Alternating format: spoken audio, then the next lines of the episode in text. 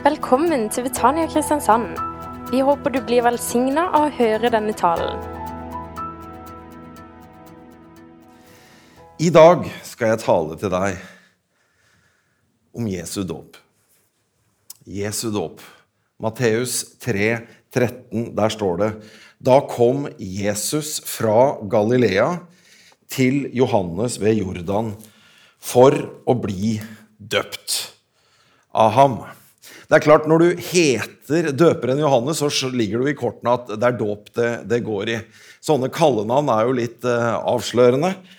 Den, den, sier noe, forteller en egenskap gjerne du har.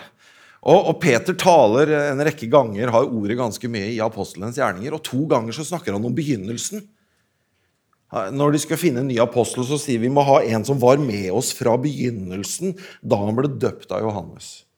Og når han taler i, i, hos Kornelius til hedningene, så sier han det som begynte i Galilea etter at Johannes hadde forkynt sin dåp. Så, så, selve begynnelsen av det som er viktig med Jesus, det, det, det festa de til døperen Johannes. Til at Johannes døpte Jesus i Jordan. Det var da det begynte. Vi vet jo at han ble født, og vi har feira jul. Dette er ordene til apostlene. De følte da var det det begynte. Og de kjente jo hverandre. De var jo i slekt. Var det kanskje tremenninger? Det er litt sånne forskjellige tolkninger på det. Men der var døperen Johannes. Visste hvem Jesus var, nok til at han pekte over elven en dag og sa Se! Der er Guds lam som bærer verdens synd. Så han pekte på Jesus og sendte videre mye av den oppmerksomheten han hadde klart å samle til seg, videre når tiden var inne for det. Døperen Johannes han er altså ja, han bør, altså, sånn, Jeg har jo gått på sånne prekenseminar, og det har kanskje du har gått, og, og, vi har holdt på med det. Dette er ikke sånn, Ingen bør preke som døperen Johannes. Det er den vanlige oppfatningen. Fordi han skjelte folk ut. Det er ikke vanlig god måte å kommunisere på. Så, så, så, hva kan du tro? Altså, han, han, holdt til ikke liksom, i Kilden kulturhus eller i domkirka. Han dro ut i ødemarken. Hva skal vi se, hva var Setesdalsheiene? Dieter og han. Så, og de som kom, skjelte han ut. Altså, det er, det er helt motsatt av det alle andre holder på med. Det var noe helt spesielt. Hvordan var det mulig at det kunne bli så populært? Altså, Den forkynnelsen han kom med, er såpass salt at det eneste jeg klarer å komme på, det er det er den derre uhellet den gangen jeg, jeg fikk være med å spise pinnekjøtt som ikke var vanna ut. Jeg har vært med på det en gang. Ja, Dette er veldig vanskelig for dere svensker. Vi kan ta en lite kurs om det etterpå. Men den, den julematen man har på Vestlandet, det er altså salt eh, lammekjøtt. Og det, hvis ikke det vannes ut i minst 24 timer, så er du helt på grensen til skadelig. Eh, dødsfarlig. Det er altså helt drøyt. Og sånn var det. La oss bare se i Matteus 3, hvordan det står der fra vers 7. Men da han fikk se mange fariseere og sadukere komme til hans dåp, sa han til dem, Ormeyngel! Ja, det er litt av en start. Hvem lærte dere å flykte fra den kommende vrede? Bær frukt som er omvendelsen verdig, og tro ikke at dere kan si til dere sjøl, vi har Abraham til far. Jeg sier dere Gud kan reise opp barn for Abraham av disse steinene. Øksen ligger allerede ved roten av trærne. Hvert tre som ikke bærer god frukt, blir hogd ned og kastet på ilden. Wow. Jeg døper dere med vann til omvendelse, men han som kommer etter meg, er sterkere enn jeg. Jeg er ikke engang verdig til å bære skoene hans. Han skal døpe dere med hellig ånd og ild. Han har sin kasteskovl i hånden og skal rense sin treskeplass. Hveten vil han samle i låven, men agnene skal han brenne opp med ild som ikke kan slokkes. Skjønner du hva jeg mener med pinnekjøtt som ikke er vanna ut nå? Dette her er så kraftig. Hadde det ikke stått i Bibelen, hadde jeg ikke turt å si det til, til voksne mennesker. Dette er veldig kraftig kost. Men, men det funka. Det var vekkelse på gang.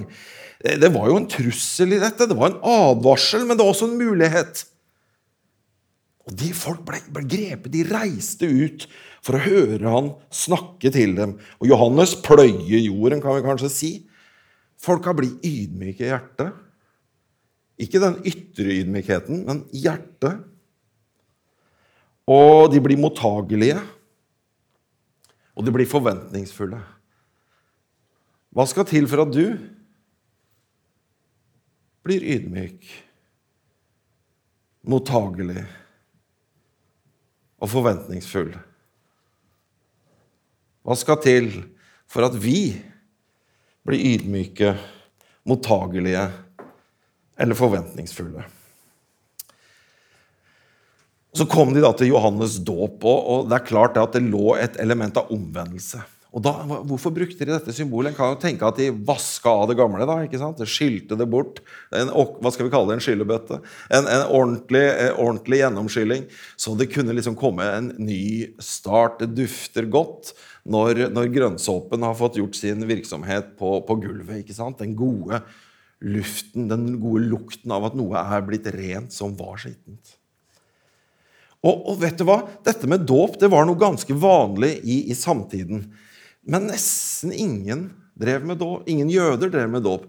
Du skjønner, Dåp det var noe de gjorde for hedninger som ville bli jøder. De hadde en form for misjon, de også. Proselytisme. Proselyttdåp kalles dette. Så det vil si at de som var jøder, de så at hedninger, syrere eller sørlendinger eller svensker til og med, eh, liksom plutselig da fikk, ble grepet av det. Nei, nå vil jeg være med med Guds folk. Og da var det å holde loven, det innbefatta omskjærelse for menn, og så ble det liksom avslutta med en dåp. Så det var noe de kjente til. I tillegg var det en, en, en Ja, det kalles ofte en sekt. Det, det var de derre det, var de som hadde, det er de som hadde biblioteket i Qumran, som vi har funnet bare for 100 år siden, som er det mest spennende som har skjedd i bibelforskningen på veldig, veldig lenge. Kan ikke snakke noe om det i dag. De drev med dåp hver dag. Og ikke bad, altså. Altså vasking. Nei, det var, det var en åndelig foreteelse, en åndelig omvendelse daglig. Og I begge disse tingene så, så, er det jo noen tanker vi kan ta med oss og, og blir en andakt for oss også. Men den kristne dåpen er noe annet. Johannes' dåp var dette 'vask av deg det gamle, start noe nytt'. Og Det pussige er at Jesus ble døpt med en dåp som ikke er den dåpen vi har sett her i dag. Det, det, det, og det har vært forvirrende for kristne. Liksom, masse sånn teologi har blitt lagd ut fra dette. For den, den kristne dåpen det er en dåp til Jesu død. En dåp til Jesu død. Jesus dør på korset, blir begravet. Så står han opp igjen. Og det så vi her, som en slags levende åndelig teater. Sara var der, og så var det under. Og det var ikke noe blivende sted, for hun kan ikke puste der. Og så var det opp og et nytt liv. Så fortellingen om Jesus ble gjenfortalt for øynene våre i dette handlingen. Noen kaller det et symbol. Eh, Kolossebrevet sier at vi ble begravet med Kristus. Men den, den kristne dåpen beskrives også i Petersbrevet, som du siterte. Nei, dette er en god samvittighetspakt med Gud. Det er ikke en avleggelse av kjødets urenhet. Det er ikke det å bli vaska ren. Det er ikke det som er den kristne dåpen. Det er det der å legge av seg det gamle livet og si 'Jeg vil følge Jesus'. Jeg svarer ja til kallet fra Han. Han sier 'følg meg'. Jeg lar meg døpe for å vise som en ring på fingeren 'jeg følger Jesus'. Du vet utmerket godt hva den ringen betyr. At jeg er bundet til Karin, min kone. Og vi vet også hva dåpen betyr. At Sara har sagt 'jeg vil følge Jesus'. Ja, nå nevnte jeg deg, og så kom du akkurat samtidig. Men hvorfor ble da Jesus døpt? Med syndere. Han var jo ikke synder. Noen har lagd et stort problem ut av dette. Jeg tror det er enklere enn som så. Han kom til oss og ble døpt sammen med synderne. For han ble døpt til den gjerning han skulle gjøre. Og det skjer noe spesielt denne dagen. Jeg leser igjen Matteus 3, 13. Da kom Jesus, dro Jesus fra Galilea til Jordan og kom til Johannes for å bli døpt av han. Men Johannes skjønte det jeg nå har sagt. Nei, dette stemmer ikke. Jeg trenger å bli døpt av deg. Det er motsatt. Du må døpe meg. Med Hellig ånd og ild, skjønner vi. Men Jesus sa, 'La det nå skje'. Ja, Det er en fin ting når vi snakker om dåp. La det skje. La det nå skje. For slik er det riktig av oss å fullføre all rettferdighet. Da lot han det skje. Så døpte, Det står om døperen vet du, at han, han, døpte ved Ainon, for der var det mye vann. og Du kan lese om eh, Philip og Hoffmann. De steg ned, og så var det dåp, og så steg de opp. Det, selve ordet betyr full nedrykkelse. Så ble Jesus under, eh, tatt av Johannes under vannet. Det er, de, jeg har sett ulike teknikker. Den var fint, den der, men sånn holde sånn bak ryggen. sånn, den, Det er den jeg er mest vant til. Jeg har sett noen som har litt sånn bare dypper rett ned. Så her tror jeg det er litt frihet. Altså, Det står ikke veldig eksplisitt i Bibelen. På samme måten som vi har en tradisjon her det med, med hvite klær. Det står, har du tenkt på det? Det står ikke i Bibelen. Så her har vi en tradisjon du, som ikke er bibelsk. Eh, men det, det, symboliserer jo det at vi er tilgitt. Vi er renset i Jesu blod når vi går til dåpen. Det er det det betyr. Så, så, det er ikke noe galt med det, men husk på det. Vi har tradisjoner her som ikke er bibelske. altså. Eh, det, det liker vi vel ikke å snakke om.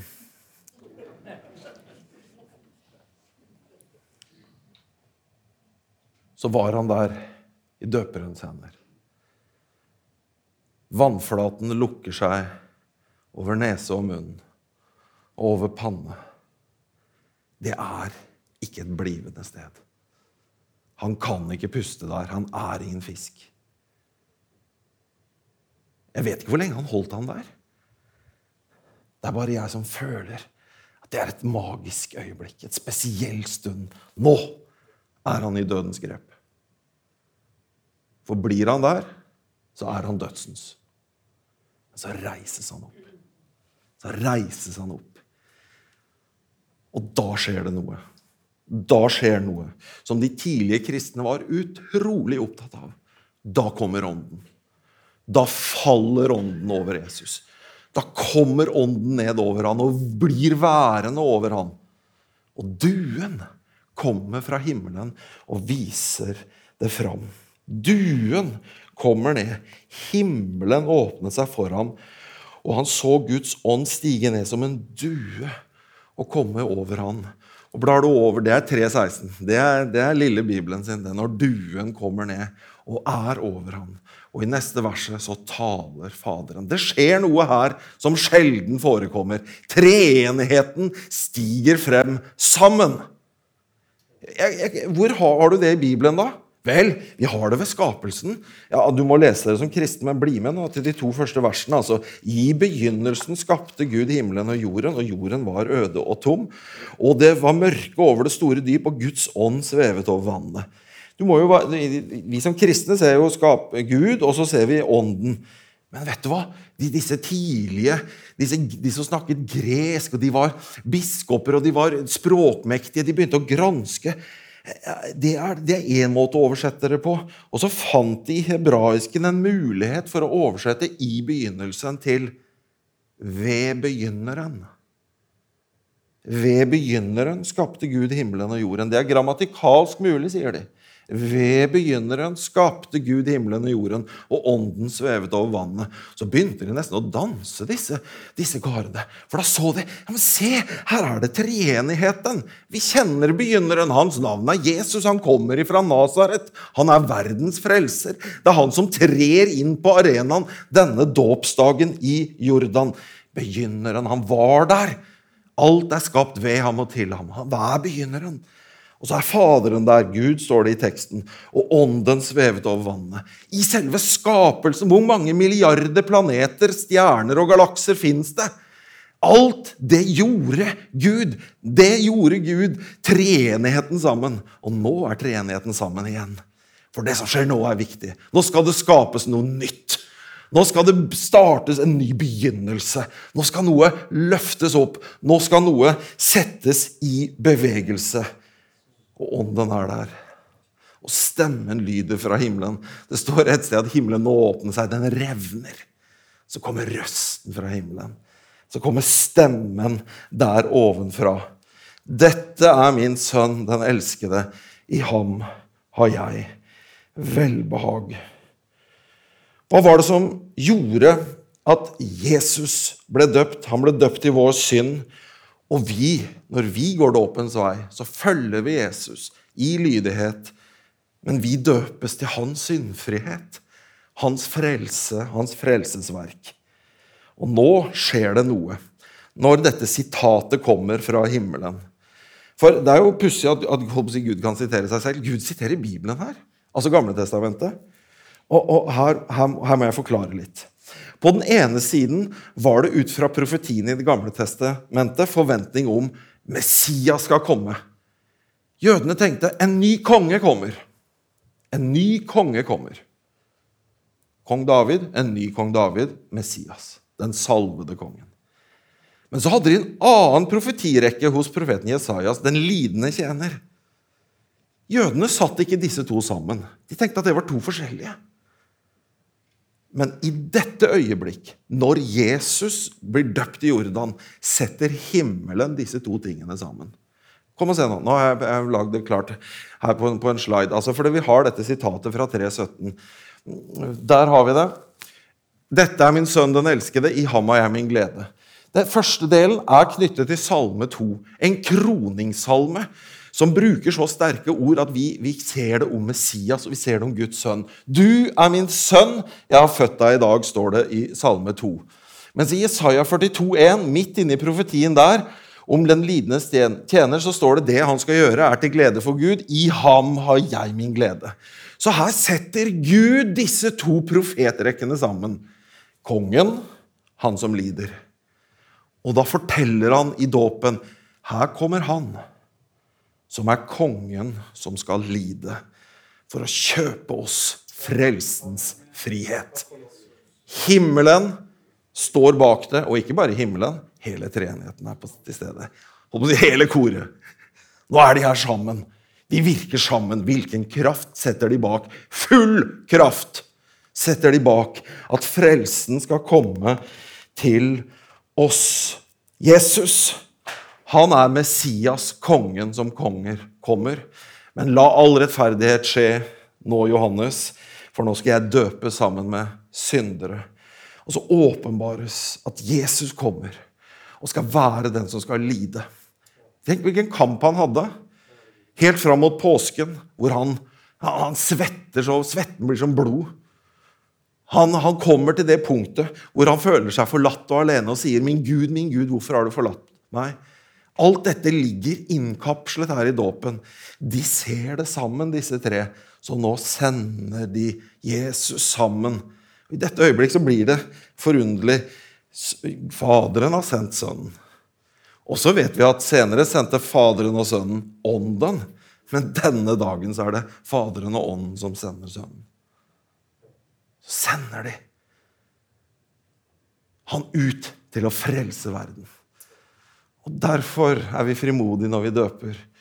For vi vet at Gud også kaller disipler i dag. Likeså Faderen har utsendt meg, sa Jesus, så sender jeg dere.